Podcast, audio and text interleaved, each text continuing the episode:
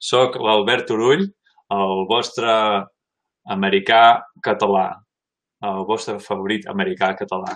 És veritat, sóc un americà que parla català. I estic aquí amb un, un convidat molt especial, uh, la Kirsten Vinyeta. Uh, Kirsten, com estàs? I, i, i si vols introduir-te una miqueta, explicar? Doncs jo uh, també sóc una americana que parla el català, igual com l'Albert. Així que potser ara jo seré la preferida d'alguns, Albert. Uh, exacte, exacte. Nascut veure, a als. Estats Units, però també parlant el català i amb accent pagès, a més. De muntanya. De muntanya, muntanya, molt bé. Uh, i, I és nascut als Estats Units, uh, a on? I, Sí, vaig néixer a Lake Tahoe, que és un lloc molt bonic de Califòrnia, i de fet no hi he estat gaire, de, com a persona adulta, només hi va, hi, ens hi vàrem quedar fins que jo tenia 3 anys, i després vàrem anar a viure un any a, a, a un lloc called Saint Hyacint, que està a la regió de Quebec, de Canadà, i llavors als 4 anys vam anar a viure a Catalunya durant 10 anys uh, uh, el poble de, bueno, Camprodon. És, vivíem a Llanàs, però els meus pares tenien un restaurant a Camprodon, que és un poblet de muntanya del Ripollès, molt bonic, amb un pont molt famós, potser alguns de vosaltres el coneixeu, i està allà als Pirineus, a prop de la frontera de França. I després, més endavant, eh, vam tornar a viure als Estats Units ja des, de, des dels gairebé 14 anys que estic permanentment als Estats Units. o sigui, sabent el català ve, ve dels els anys formatius 4 a 10, Sí. 14. Sí, Per això portes el català molt bé. sí i el, el, meu pare, la, el meu pare és català, la meva mare és de Wisconsin, uh, i tota la família del meu pare, uh, evidentment, parla el català, i, i des de petita a casa hi havia pri- principalment el català parlat i llavors uh, l'inglès de fet era secundari fins que vam venir a viure aquí. Llavors és quan realment vaig haver d'aprendre l'inglès de forma més uh, real, no? Perquè abans era més... Abans de tornar a viure aquí als 14 anys només ho feia així bastant informalment. Mm -hmm. I a, a 14 anys, 10 anys, va, vas tornar als Estats Units quin, a quin part? Quin part A quina Units? part? A la part, a la part super nord de Wisconsin, en un poble super petit, bueno, que Camprodon no és gran, però és Ah, un poble amb bastanta activitat, és un poble turístic, eh, té molta vida, tant a l'hivern com especialment a bueno, per, perquè té una pista de- d'esquí a prop, eh, i a l'hivern hi ha turisme d'esquí i a l'estiu hi ha gent que venen a estiuejar a Camprodon, o van a estiuejar, encara parlo com si visc allà. Uh, I, Eh, eh, Te, te sents a casa allà o... Sí, o, o... bueno, és, és difícil aquesta pregunta, perquè si em preguntes d'on... O sigui, en anglès la, hi ha la pregunta where's your hometown, el teu el poble que és casa. Sí. I doncs no, no, realment no en tinc un perquè em vaig moure tant, però si hagués de triar-ne un seria la vall de Camprodon perquè va ser el que més em va impactar en una edat molt important. Mhm. Tot i que ara quan hi torno també sento que de- sóc diferent per haver estat ja tants anys aquí als Estats Units, però és un lloc que m'estimo molt i encara hi tinc molts amics i la gent encara em coneix i, i, i tinc molts bons records de la vall de Camprodon, realment. Sí. Molta nostàlgia, Molta nostàlgia. Sí. Uh, què, què, què recordes d'allà? Què, què, eh, t'agradava d'allà? A mi no, Ah, no, no el conec, el lloc. Doncs era un lloc, bueno, primer de tot és un lloc molt bonic, o sigui, és un lloc, eh, és una vall allà en un, eh, a la zona del Pirineu i, i bueno, era un poblet petit però molt acollidor i els meus pares tenien un restaurant, jo de petita allà, eh, bueno, que no era, no era només jo, però el poble sencer, la canalla del poble sencer tenia molta llibertat per jugar fora durant hores i hores. Ser, ser la filla d'un... O sigui, si els teus pares tenen un restaurant a Catalunya, on les hores van molt més eh, tard que aquí als Estats Units, la gent sopen aquí com a màxim a les 10 del, del vespre, és, és considerat super tard En canvi, a Catalunya és bastant normal. I clar, els pares que tenen restaurants doncs, tanquen fins a les la una de la matinada i els que érem fills de, de gent que tenien bars i restaurants estàvem allà al, al, al, al carrer jugant fins a les dues de la matinada. O sigui, I llavors ens anàvem cap als restaurants, als bars i, i anàvem a dormir a casa, però era una vida bastant al carrer, que m'agradava molt, i, i no sé, uh, i tinc molts amics que van ser molt importants i famílies que van ser com segones famílies per mi. També vaig ser esquiadora, uh, de, vaig uh, esquiar, o sigui, era el meu esport principal, esquí de muntanya, no de muntanya, bueno, uh, downhill skiing, no sé, uh, o sigui, slalom, gegant, tot això i, i bueno, tinc tots aquests records ficats allà. I la cultura, especialment, que aquí quan vaig arribar, això va ser una cosa que em, em va costar molt, és la cultura calorosa d'allà i, i totes les tradicions, i aquí va ser com començar de zero i en un lloc eh, climàticament molt fred i de certa forma càlid socialment, però d'altres formes no tant i amb, no tant, amb les tradicions diferents del que jo coneixia i va costar una mica la transició, però uh, dintre de tot va, va estar més o menys bé. Ja, era, era de, del Pirineu uh, al nord de Wisconsin amb un poblet petit. És sí. un poblet petit estàndard de Catalunya, però poblet sí. petit dels de, Units que és una altra manera, sí. no? Ara. Totalment. I eh, el poblet petit de Catalunya, per exemple, Camprodon, jo no, no, no has de dependre d'un cotxe. I eh, el nord de Wisconsin, primera, que tot i que el Pirineu és fred, el nord de Wisconsin és brutalment fred. Mm -hmm. I tot i que no hi ha muntanyes, o sigui, és, és un, una situació diferent. Però eh, i, a més, tot està organitzat eh, de forma molt dispersada que es necessita cotxe. I, clar, era molt difícil per una persona de 14 anys havent arribat a un lloc de, de fer qualsevol vida social sense que els, sense que els meus pares em, conduïssin a tot arreu. Uh, era, era un canvi bastant, bastant dramàtic per mi en aquell moment, la, en una edat difícil, saps? Perquè esta, els 14 anys no és una edat fàcil per fer un, una transició d'aquest tipus. Mm i la raó mm, per, per la qual van decidir canviar de... Sí, de... Els, el meu avi, que, bueno, perquè la meva mare és de Wisconsin, el meu avi havia estat malalt, havia tingut càncer, ho havia sobreviscut, però la meva mare ja feia molts anys que uh, havia estat fora de, bueno, lluny dels seus pares i el negoci dels meus pares tampoc estava anant, al final de la nostra estat de Catalunya el, el negoci també estava fallant una mica. Així és que van decidir en aquell moment doncs, venir a Wisconsin a estar a prop de la família de la meva mare i, i trobar noves oportunitats. Mm -hmm. Ai, doncs, com que la teva mare eh, és americana, doncs ella, sí. ella tenia la nacionalitat i, i sí. és molt fàcil de... Sí, sí. Uh -huh. Sí, exacte. Sí, i de fet eh, jo eh, ja també tenia la nacionalitat americana, així és que el meu pare em sembla que no, no sé els detalls, perquè jo no estava involucrada amb els detalls ja, no. de la nacionalitat, però sé que... O sigui... No estaves aprenent notes a les 14 anys, no estava prenent notes, ja tenia prou per, per preocupar-me pel meu, els propis temes, així que deixava els papers legals als meus pares. Deixa córrer. Sí, sí. Molt bé. I doncs, i de, però quan vas marxar de, de, de Catalunya i anar a Wisconsin, encara portaves el, la cultura catalana a prop, sí, no? I, ui, i molt. encara ho, ho guardes, no?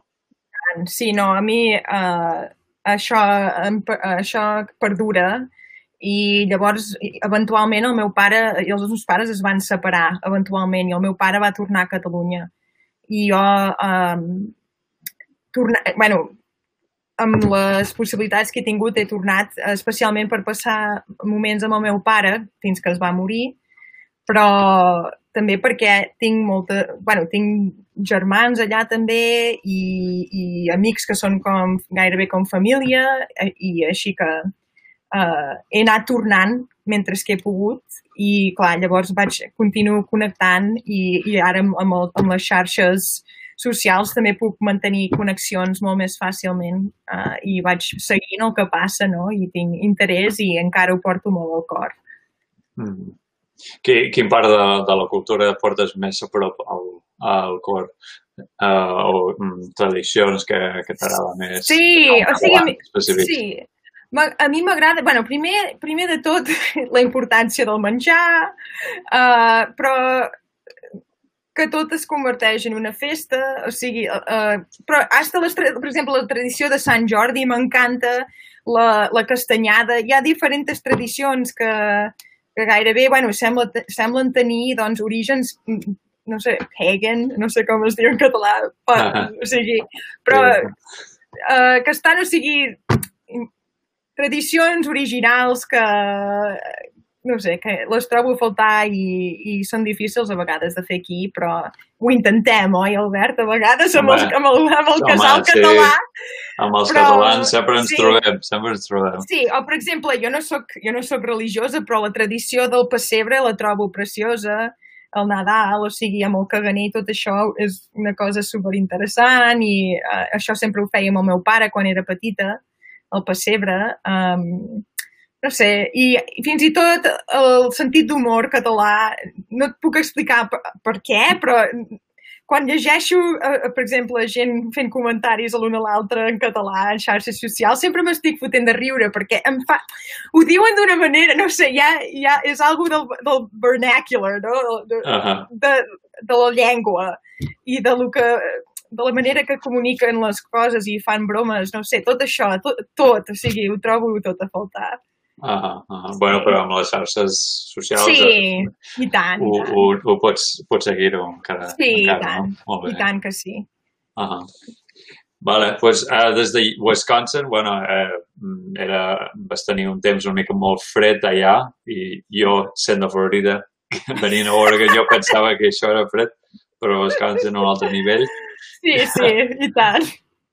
Uh, Me'n recordo que vaig, vaig esquiar també a Wisconsin per lo que es podia, perquè no hi havia gaires muntanyes, i me'n recordo que, bueno, el mínim, em sembla, la mínima temperatura que jo mai havia esquiat a Catalunya era, eh, em sembla, en Fahrenheit, era 11 sobre 0, que no sé quan és, quan és, en, quan és en Celsius, però 11 sobre 0 Fahrenheit. I això, bueno, és, un, això és una temperatura estàndard durant l'hivern a Wisconsin i, de fet, quan esquiava a Wisconsin jo havia esquiat a, a 20 sota 0 Fahrenheit, que se't congelen els mocs a la cara. O sigui, és, és, se't congelen les pestanyes. O sigui, és com... és, és un fred molt diferent del fred de, del Pirineu allà eh, Ja. A prop del Mediterrà, que bueno, és, és fred, però no, un fred així és, és, és fatal.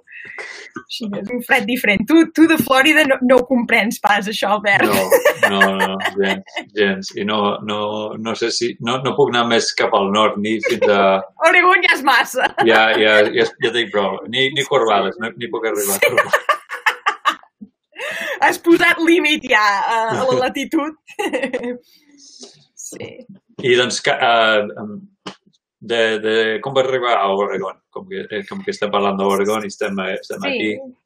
Doncs uh, a Wisconsin vaig fer la carrera mm, de, la carrera la vaig fer d'arquitectura exterior, em sembla que es diu en català, Landscape Architecture, Mm -hmm. i vaig treballar com a arquitecte exterior durant uns tres anys i llavors vaig ja tenir l'interès de tornar a, a fer un altre, bueno, un màster. I quan vaig pensar, aviam, on vull anar a fer aquest màster, vaig, vaig triar un, uns quants llocs als Estats Units que m'interessaven no només per la universitat, però també geogràficament, perquè jo no me'n vull anar a viure a qualsevol lloc jo tinc interessos geogràfics i, i, i hobbies i, i això, i que em van, doncs vaig uh, enviar, uh, I applied, vaig aplicar, no sé com es diu, Però bueno. Sí. vaig aplicar, em sembla que no és així, però bueno. No, però bueno, vaig enviar els meus documents a, a, a Madison, que era on ja estava vivint, a Wisconsin, Mhm. que és on vaig fer la carrera, a a la Universitat de Wisconsin-Madison. Vaig enviar documents allà per veure aviam si m'acceptaven. Uh, vaig enviar... Hola, mama. Vaig enviar uh, documents a Berkeley, a la Universitat de Califòrnia, Berkeley, i a la Universitat d'Oregon, ja feia molts anys que jo estava uh, aprenent sobre Oregon com a estat, no hi havia estat mai, però que m'interessava molt l'estat d'Oregon per, per coses, doncs, de, de la manera que Portland havia dissenyat coses d'arquitectura exterior de, i també per, i especialment pels paisatges, no? I, i al final em van acceptar a Madison i Oregon. Berkeley no em va acceptar. Mm. I Oregon em van donar una beca completa. I si Madison hagués fet una oferta comparable, potser m'hagués quedat, ja que teníem la vida, el meu company i jo teníem la vida ja situada allà i tot, però quan Oregon em va fer aquesta oferta, clar, va ser an offer too good to refuse. una oferta que no podia, doncs, no podia dir que no.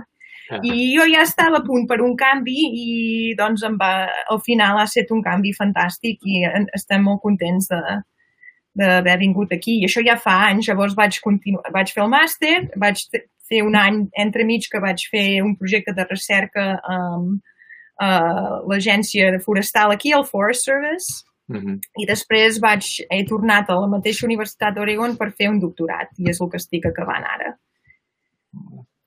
Pots explicar una mica més de um, uh, disseny exterior, uh, ar- arquitectura exterior? Sí, la- l'arquitectura exterior eh, és, és arquitectura i disseny d'espais exteriors i pot ser eh, enfocat en zones més aviat urbanes eh, o també pot ser enfocat en, en temes més ecològics, que era més la meva especialitat.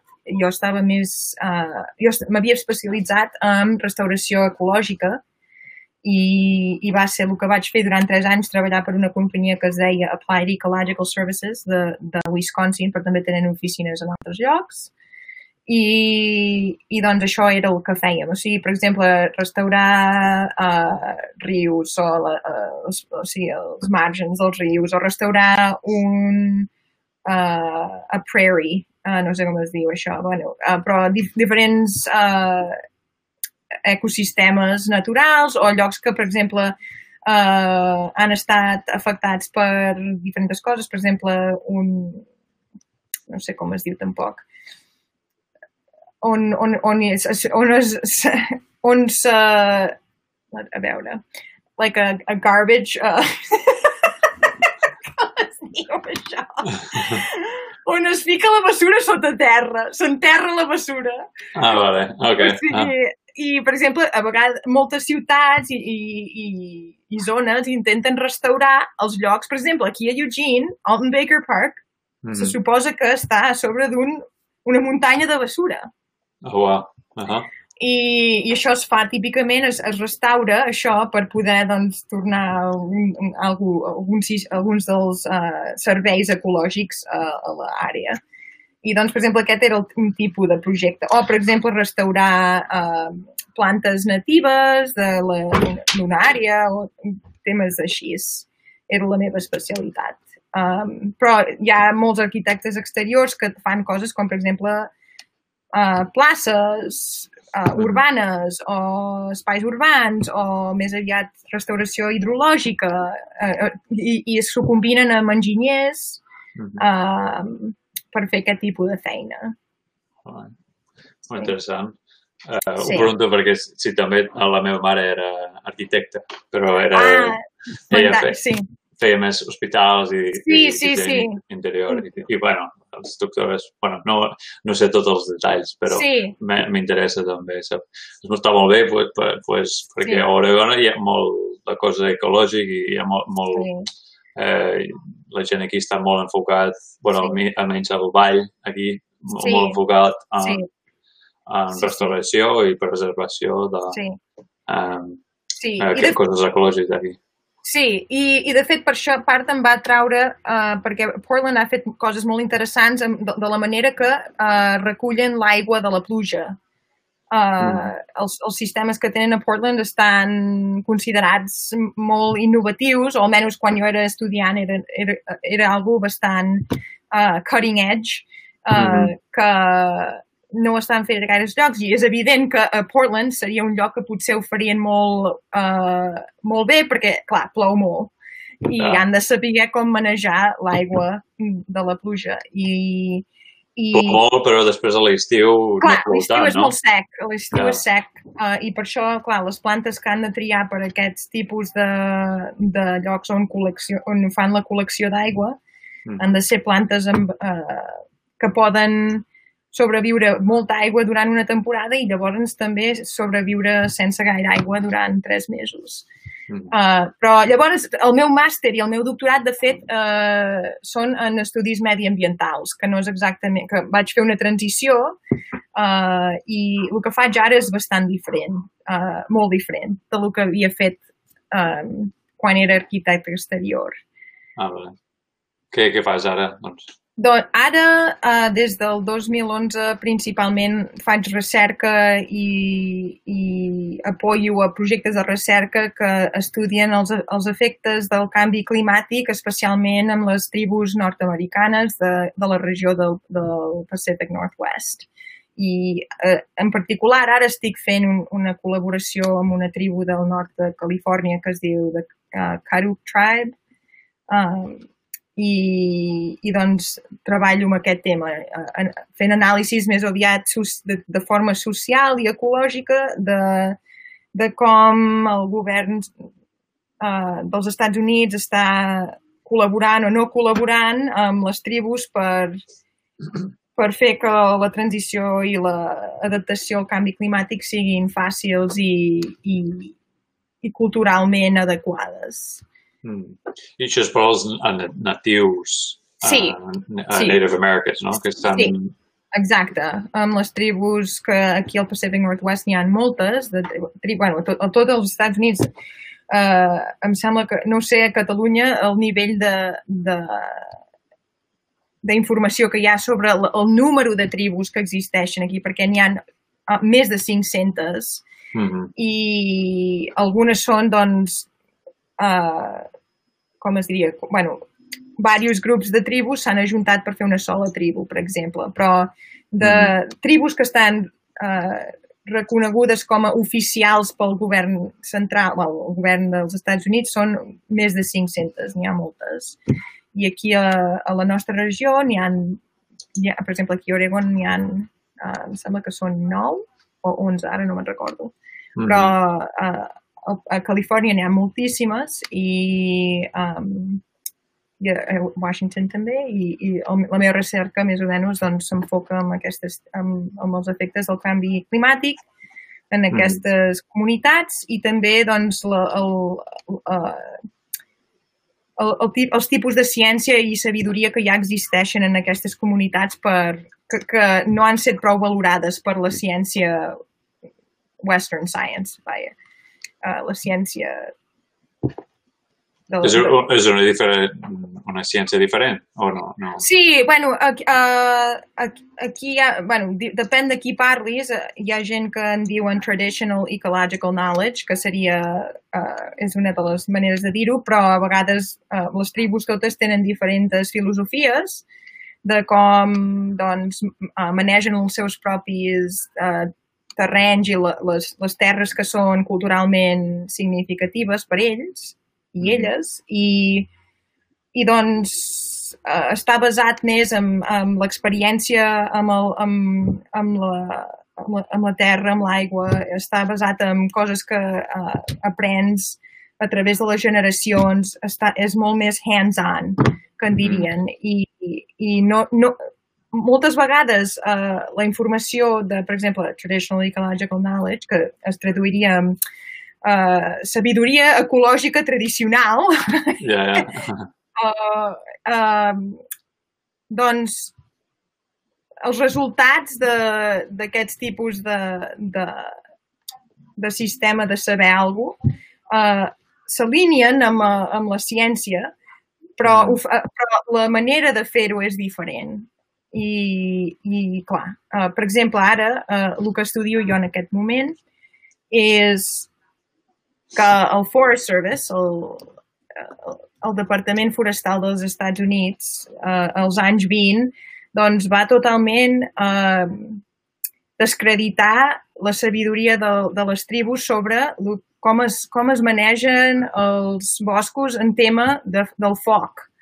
I les tribus típicament, per exemple, encenien foc rutinament en els boscos. Mm -hmm. I això feia que hi hagués menys perill per als focs molt més grans i molt més destructius. I ara el que estem veient és a Califòrnia, per exemple, alguns dels boscos més destructius de la història, ai, algun dels, dels focs més destructius de la història i i el que s'està veient, que fins i tot el, el Forest Service mateix està uh, reconeixent, és que tots els anys que van uh, fer un manejament basat només en apagar tots els focs, ha set, uh, al final ha set, uh, no, ha set, ha set, no ha set productiu. Ha, ha creat situ una situació que encara és més perillosa. Ja, que, que ara diuen que bueno, no sé si ara, bueno, no sé quan van descobrir, però s'ha de fer focs controlats, no? Exacte. I doncs, dient que els natius ja ho sabien des d'abans, i, i, però el, el, el, for, el, el Servei Forestal Nacional dels Estats Units als, als anys 20 no, deien que no, no? Exacte, exactament. Els natius això ja ho havien fet durant molts i molts d'anys, doncs, sí, des del que es recorden a la memòria, mm -hmm. i clar, quan els van, de certa forma, o els van fer fora de les seves terres o els van mm -hmm. concentrar en reserves, reserves mm -hmm. uh, i, i, i, sense, i per descomptat els van controlar amb les lleis americanes, o sigui, ja no podien fer els, les seves, el seu maneig tradicional de, -huh. dels, de, els paisatges, així és que, -huh.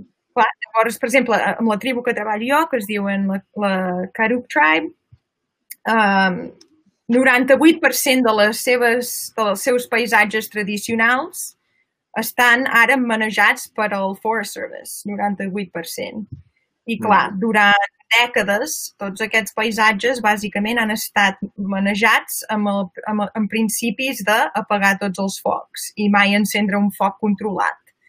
Mm. I això és molt diferent del que havien fet ells, la tribu, mentre ells tenien control sobre els seus propis paisatges i ha afectat no només, o sigui, ha posat més perill perquè ara hi ha molt més debris, no sé com es diria això, però, per exemple, les fulles dels arbres, les branques, tot el que es mor es va acumulant al terra del bosc i això és el que llavors ajuda a encendre un foc més, més gran. I el foc, es, el bosc es va fent més dens, amb més plantes petites i tot això, i al final acaba amb un foc més, yeah. més gran. I i, i a part d'això, les, les espècies que són d'interès de la tribu, també molt, moltes d'aquestes espècies depenen del foc. I clar, llavors, quan no hi ha foc, aquestes espècies també eh, sofreixen. I mm -hmm. doncs, hi ha molts elements que es combinen llavors per afectar eh, doncs, la, la tribu i els paisatges que són eh, els paisatges tradicionals de la tribu. Històricament, el, els, els natius dels Estats Units, de, bueno, d'Amèrica, eh, bueno, sobretot als Estats Units, eh, estan, han, han estat mm, ficats eh, en llocs que no, en terres no molt bones. Uh, uh, the Trail of Tears, uh, quan els, els europeus van venir aquí van, i van empenyar els, els, els, els natius cap a, més cap al, al mig de, dels Estats Units i altres llocs, eh, sempre era llocs mm, amb terra no molt bona. Això és el, és el mateix aquí al, al, al nord-oest, al Pacífic, aquí? Uh, aquí és una mica diferent, però algunes de les tribus... Uh, bueno, cada tribu té una història diferent de colonització. I clar, -hmm. depèn de la situació. Per exemple, a Califòrnia hi ha una història uh, bastant única per les tribus de Califòrnia en què, eh, eh, mentre que moltes altres tribus que van a quedar amb reserves eh, havien firmat eh, treaties amb mm. el, el govern, la, les, les, vàries, les moltes tribus de Califòrnia, n'hi havia 12 o 13 que havien de firmar treaties per tenir terres reservades i també accés a certes espècies reservades, mm. però al final el govern no ho va firmar. Així que els hi van robar les terres igual sense reservar-los cap dret. Um, és una Això- història Ja. una història molt injusta. bueno, tot, tota la història de la colonització és super injusta, però en, Mhm. en aquest cas encara és pitjor perquè els drets els havien presentat aquest treaty i ja, ja havien firmat les tribus i llavors per interessos creats a, a, pertanyent principalment amb, amb l'extracció de l'or i tot això, no va ser en l'interès dels californians ni del govern central de firmar aquests treaties i les tribus de, de Califòrnia es van quedar sense, sen, o sigui, sense treaties. Mhm. I, Sense acords, no? Suposo que... sí, acord, acord. no sé, és com un acord o una... No sé com... Sí, no sé Entre exactament. països, entre països. Entre països, perquè tècnicament el govern central ha de considerar cada tribu com un país, Un país. propi. Mhm. Uh, això és el que van decidir, però hi ha hagut eh, molta... El poder no és... El poder no, no és ni, ni uh, igual ni molt més. O sigui, és molt desigual, hi ha molta uh, opressió i és, és una història molt tràgica, de fet, i han set molt valents i, i amb molta fortalesa la, la gent uh, índia dels, del nord dels estats, bueno, de totes les parts de, de les Amèriques, però uh, el que conec més jo són els indis nord-americans i han tingut una fortalesa uh, de, de perdurar amb totes aquestes, tot, aquest, tot el que els hi ha passat. I per això, eh, això, és, per, això pertany amb el de català-americà, perquè a vegades he vist catalans eh, en, en campanyes de voler eh, doncs, eh, arribar a la independència, Mhm. eh, parlar de Cristóbal Colón com si és català, que possiblement ho era, no se sap segur, però Mhm. parlant d'això com si això és algo per fardar, o sigui, algo d'estar molt orgullós Ja. del que el Cristóbal Colón era català. I jo els hi dic, escolteu, no! Això no és res d'estar orgullós. O sigui, si voleu, si voleu la independència i parlar de, de, dels drets humans i dels drets de- d'autodeterminació i d'autogovern, Ja.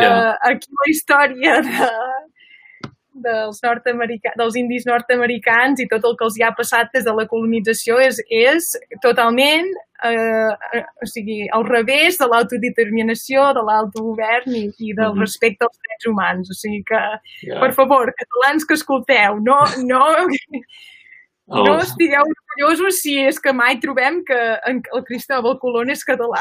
Jo no vull parlar d'això. Podem parlar d'altres coses. Podem... Sí, moltes altres coses que podem, que podem parlar i parlar i, i, Ja. i utilitzar per aconseguir la independència. Mhm. Sí, molt bé. Um, pues, uh, i doncs, què, quines altres coses t'agrada fer eh, aquí, a Oregon? A mi, doncs, el meu company i jo eh, ens agrada molt doncs, eh, la natura i sortir a fer càmping i, i sortir a, a fer excursions amb motxilles i, i doncs això ho fem...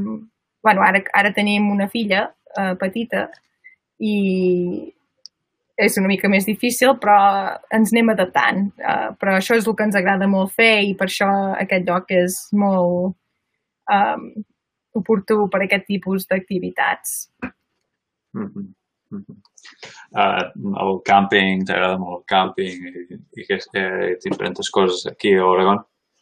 Sí, aquí, bueno, abans a Wisconsin eh, intentàvem trobar camins que ens interessaven i això, però era, el, bueno, era més difícil trobar, doncs, llocs que... Wisconsin és maco, però has d'entendre la història ge geològica per apreciar-ho. En canvi, aquí qualsevol, qualsevol burro pot, pot veure que aquest lloc és, és meravellós i espectacular, no? O sigui, no, no s'ha d'entendre res per, per entendre que, per veure que és un lloc molt bonic. Mm -hmm. I, i doncs, uh, el, és molt, aquí a Eugene, per exemple, és super fàcil. Estàs a dues hores de, de la platja, de la, bueno, de la costa d'Oregon, que no és una platja per banyar-se, però és una platja per, uh, per veure doncs, la costa molt bonica i estàs a dues hores del desert, estàs a dues hores de, de boscos superimpressionants, estàs eh, eh, en el centre d'una un, varietat de, de llocs molt, bueno, llocs molt mm. diversos, no? Mm -hmm recomanes un altre, uns altres llocs eh, que no sigui Oregon per Estats Units que t'agrada molt? Doncs tampoc he estat, la veritat és que no he estat a, a molts estats. Uh, bueno, he, he viatjat per Califòrnia, he, he conduït a través d'estats, però tampoc és que hagi explorat allò intensament molts estats. Els que conec més són uh, Wisconsin, uh, conec algunes parts de Minnesota, uh, conec Oregon, uh, he visitat parts de Wyoming, que també depèn del que t'agradi, però uh, Colorado, evidentment, també és molt maco. Um, no sé. Està recomanant més llocs que no siguin San Francisco, Los Angeles, Miami... bueno, Nova jo soc... York, oh, quasi bé oblidat Nova York. Tothom pensa que Estats Units és Nova York. No, no, no. Sí, no, de fet, bueno, és, és, eh, em fa gràcia que diguis això, perquè al principi em sembla que molts dels meus amics catalans, bueno, em feia gràcia perquè tenien planejat, per exemple, anar a Nova York, jo estava a Wisconsin, i deien, ei, ens podem visitar, et podem visitar mentre estiguem quatre dies a Nova York. I dic, escolteu, Nova York està a hores i hores, a hores i hores de Wisconsin. Però ara, de fet, tinc amics que han fet viatges a llocs menys coneguts, eh, almenys que jo considero eren menys coneguts abans, Mm. Uh, per exemple, he vist amics catalans uh, fer uh, viatge de noces a Utah, que jo vaig estar a Utah fa uns anys i espectacular. Un estat mm. que recomano pels parcs nacionals molt, molt interessants. Sí, sí. I, I doncs sí, tinc amics que han anat allà i sí, ara hi ha més amics anant a la costa oest. Abans em, em semblava que més aviat la gent s'enfocava molt en Nova York, -huh. I, les, I potser també perquè és, és més econòmic, no?, arribar a la, a la costa est. Eh, sí. Volar a la costa oest val més que l'est, eh, uh, però uh, sí, uh, hi ha llocs que valen la pena també. Uh, les meves amigues, de fet, em van venir a visitar a Wisconsin una vegada, eh? que ja és un sacrifici molt gran. I durant l'hivern, durant l'hivern a sobre. Van venir, van venir a l'abril, em sembla, al maig. Ah. Uh, em van venir a visitar, de fet era perquè havia, jo, a mi m'havien fet una operació a cor obert i em van venir a visitar dues amigues catalanes de, de quan eren petites després de l'operació. I clar, per elles uh, va ser un sacrifici doncs, gastar-se la pasta per veure una part dels Estats Units que tampoc és gaire popular, però bueno, em sembla que les van portar uh, a Chicago per veure una ciutat una mica més gran i interessant. Però sí, sí, van venir a Minnesota i van venir a Wisconsin a visitar-nos. Uh, però sí, ara veig que més uh, català, eh, catalans estan visitant la costa oest i estats de l'oest que potser abans no eren tan populars com a destinació. Mm -hmm. sí. I com ho portes el català amb, el, amb la teva família, amb el, amb el teu el teu partner, el teu, el teu, la teva filla? Uh, doncs la veritat és que no gaire bé. Uh, no? No, doncs quan era petita la nena li parlava molt en català, quan ella no parlava. I ho, ho sé perquè últimament he estat mirant vídeos i, i veig que li estic parlant en català molt sovint. I llavors, no sé, va haver-hi una transició que quan ella va començar a parlar Uh, el meu company no parla gairebé res de català, tot i que entén alguna paraula i, o sigui, pot dir alguna frase així, no sé, per fer-me feliç, com, per exemple, t'estimo o fes-me un petó o alguna així, però poques coses més, no? Però quan, quan hem anat a Catalunya junts, és veritat que, doncs, uh, és, és fàcil per ell d'intuir el que, de lo que s'està parlant i no sé si és perquè m'ha sentit de parlar durant molts anys, però de parlar-ne no en parla gaire de gens. I clar, quan estem a casa, la meva mare sí que parla català i viu amb nosaltres ara. Mm -hmm. I doncs jo li, sempre li estic dient a la meva mare, estem perdent la finestra en la que la, la meva filla doncs, absorbirà el català molt fàcilment. Yeah. I llavors doncs, fem un esforç durant un parell de dies i llavors torna a caure l'esforç. O sigui, hem de fer un esforç més gran, però mm o hem de fer immersió total algun dia, algun dia i anar a Catalunya. Ah. Quan s'acabi tot aquest rotllo del Covid. Yeah. Entre, entre els, els 4 i 14 anys, no? Això és el, el sweet spot, no? Ah, ostres, entre els 4 i 14? Bueno, llavors la finestra me, me l'has eixamplat molt. Jo em pensava que era entre els 3 i els 5, però bueno. Bueno, eh, parles molt bé el català, un bon exemple, doncs, sí, bueno, 4 bueno, 14. és veritat, és veritat, però sí, no sé ja si mai la podrem, li podrem fer una immersió total. Jo tinc, doncs, somnis de que seré una professora d'universitat i tindré els estius eh, lliures per poder passar l'estiu a Camprodon, però segur que la, la realitat serà molt diferent. no sé si hi haurà feina quan m'hagi graduat, qui sap. Uh -huh. O, o serà, serà tot online, per l'internet. Sí, és veritat, llavors podem anar a viure a Camprodon podem anar a viure al Pirineu i jo, jo puc ensenyar des del Pirineu en una universitat americana. Exacte. I, bueno, l'horari potser serà una mica diferent. Potser... Sí, seria difícil De l'una al matí, a les 8 del matí... Oix. No sóc gaire nocturna jo, així és que no sé si ho podré manejar, però bueno. bueno, amb tot, amb tot es pot fer alguna cosa. Sí, tant. Vale, pues Uh, moltes gràcies, Kirsten, per estar aquí uh, amb nosaltres. Um, hi ha una manera que poden, te poden seguir la gent o la teva història o, o seguir els teus projectes que estàs fent amb, amb el sí. disseny exterior i coses així. Sí, bueno, jo tinc Instagram però és privat, és l'única xarxa, xarxa social que tinc en aquest moment, però... Uh -huh. um... Envia un missatge i digues que ets vens de fora de Catalunya i, i t'accepten. Exacte, llavors et deixo entrar sense problema. sense problema. Tinc molts, catalans, molts uh, seguidors catalans que són, bueno, principalment amics i família, però sí, si algú té interès, uh, això seria la, la manera més fàcil. És més aviat personal, no és gaire, no és tan, no tan professional, yeah. però uh, en aquest moment no tinc una pàgina professional, tot i que un d'aquests dies sí que l'hauré de començar ja que eh, acaba el, el doctorat i he de començar a, eh, a preparar-me per al job market. El job market, eh? Sí, perquè aquests projectes són molt interessants i, i, i és, és un altre tema. I hi ha tants temes tan interessants de, i que la gent es poden enfocar i, i, i, i que, que sobretot que tinguin una passió, un, sí. estan aficionats al museu. És, sí. això, per això m'agrada molt sempre parlar amb diferent gent i saber sí. el museu. Trobar, trobar com, han, com han aplicat els seus interessos. Sí, sí, sí. sí. sí. I, I donar, i donar um, uh, uh, poder parlar de, de, del, del seu tema, no? I donar sí. un, com un visual per, perquè ho vegin, perquè jo no, no hagués sapigut això de, de, dels natius que estan aquí i que hi havia aquest, aquest struggle entre, sí. entre el govern i, i sí.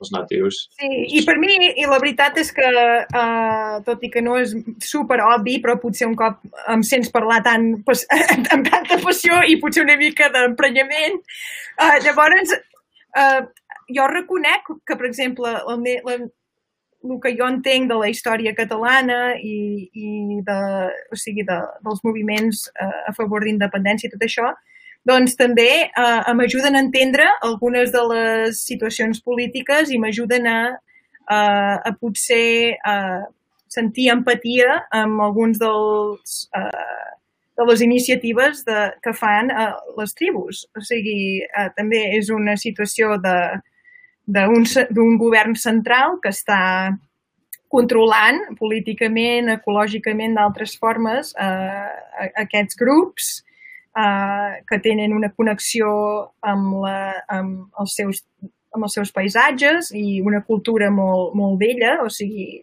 molt, relacions amb espècies i tot això. I això, de certa forma, no és, no és dissimilar a algunes de les situacions polítiques de, entre Catalunya i el govern central, no? I doncs mm. hi ha connexions entre aquests temes.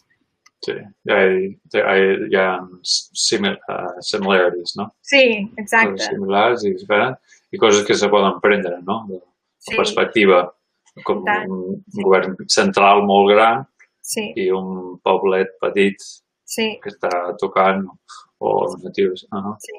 sí. Uh -huh. Molt bé. Pues Doncs gràcies, Gràcies, Albert. gràcies Chris Kirsten.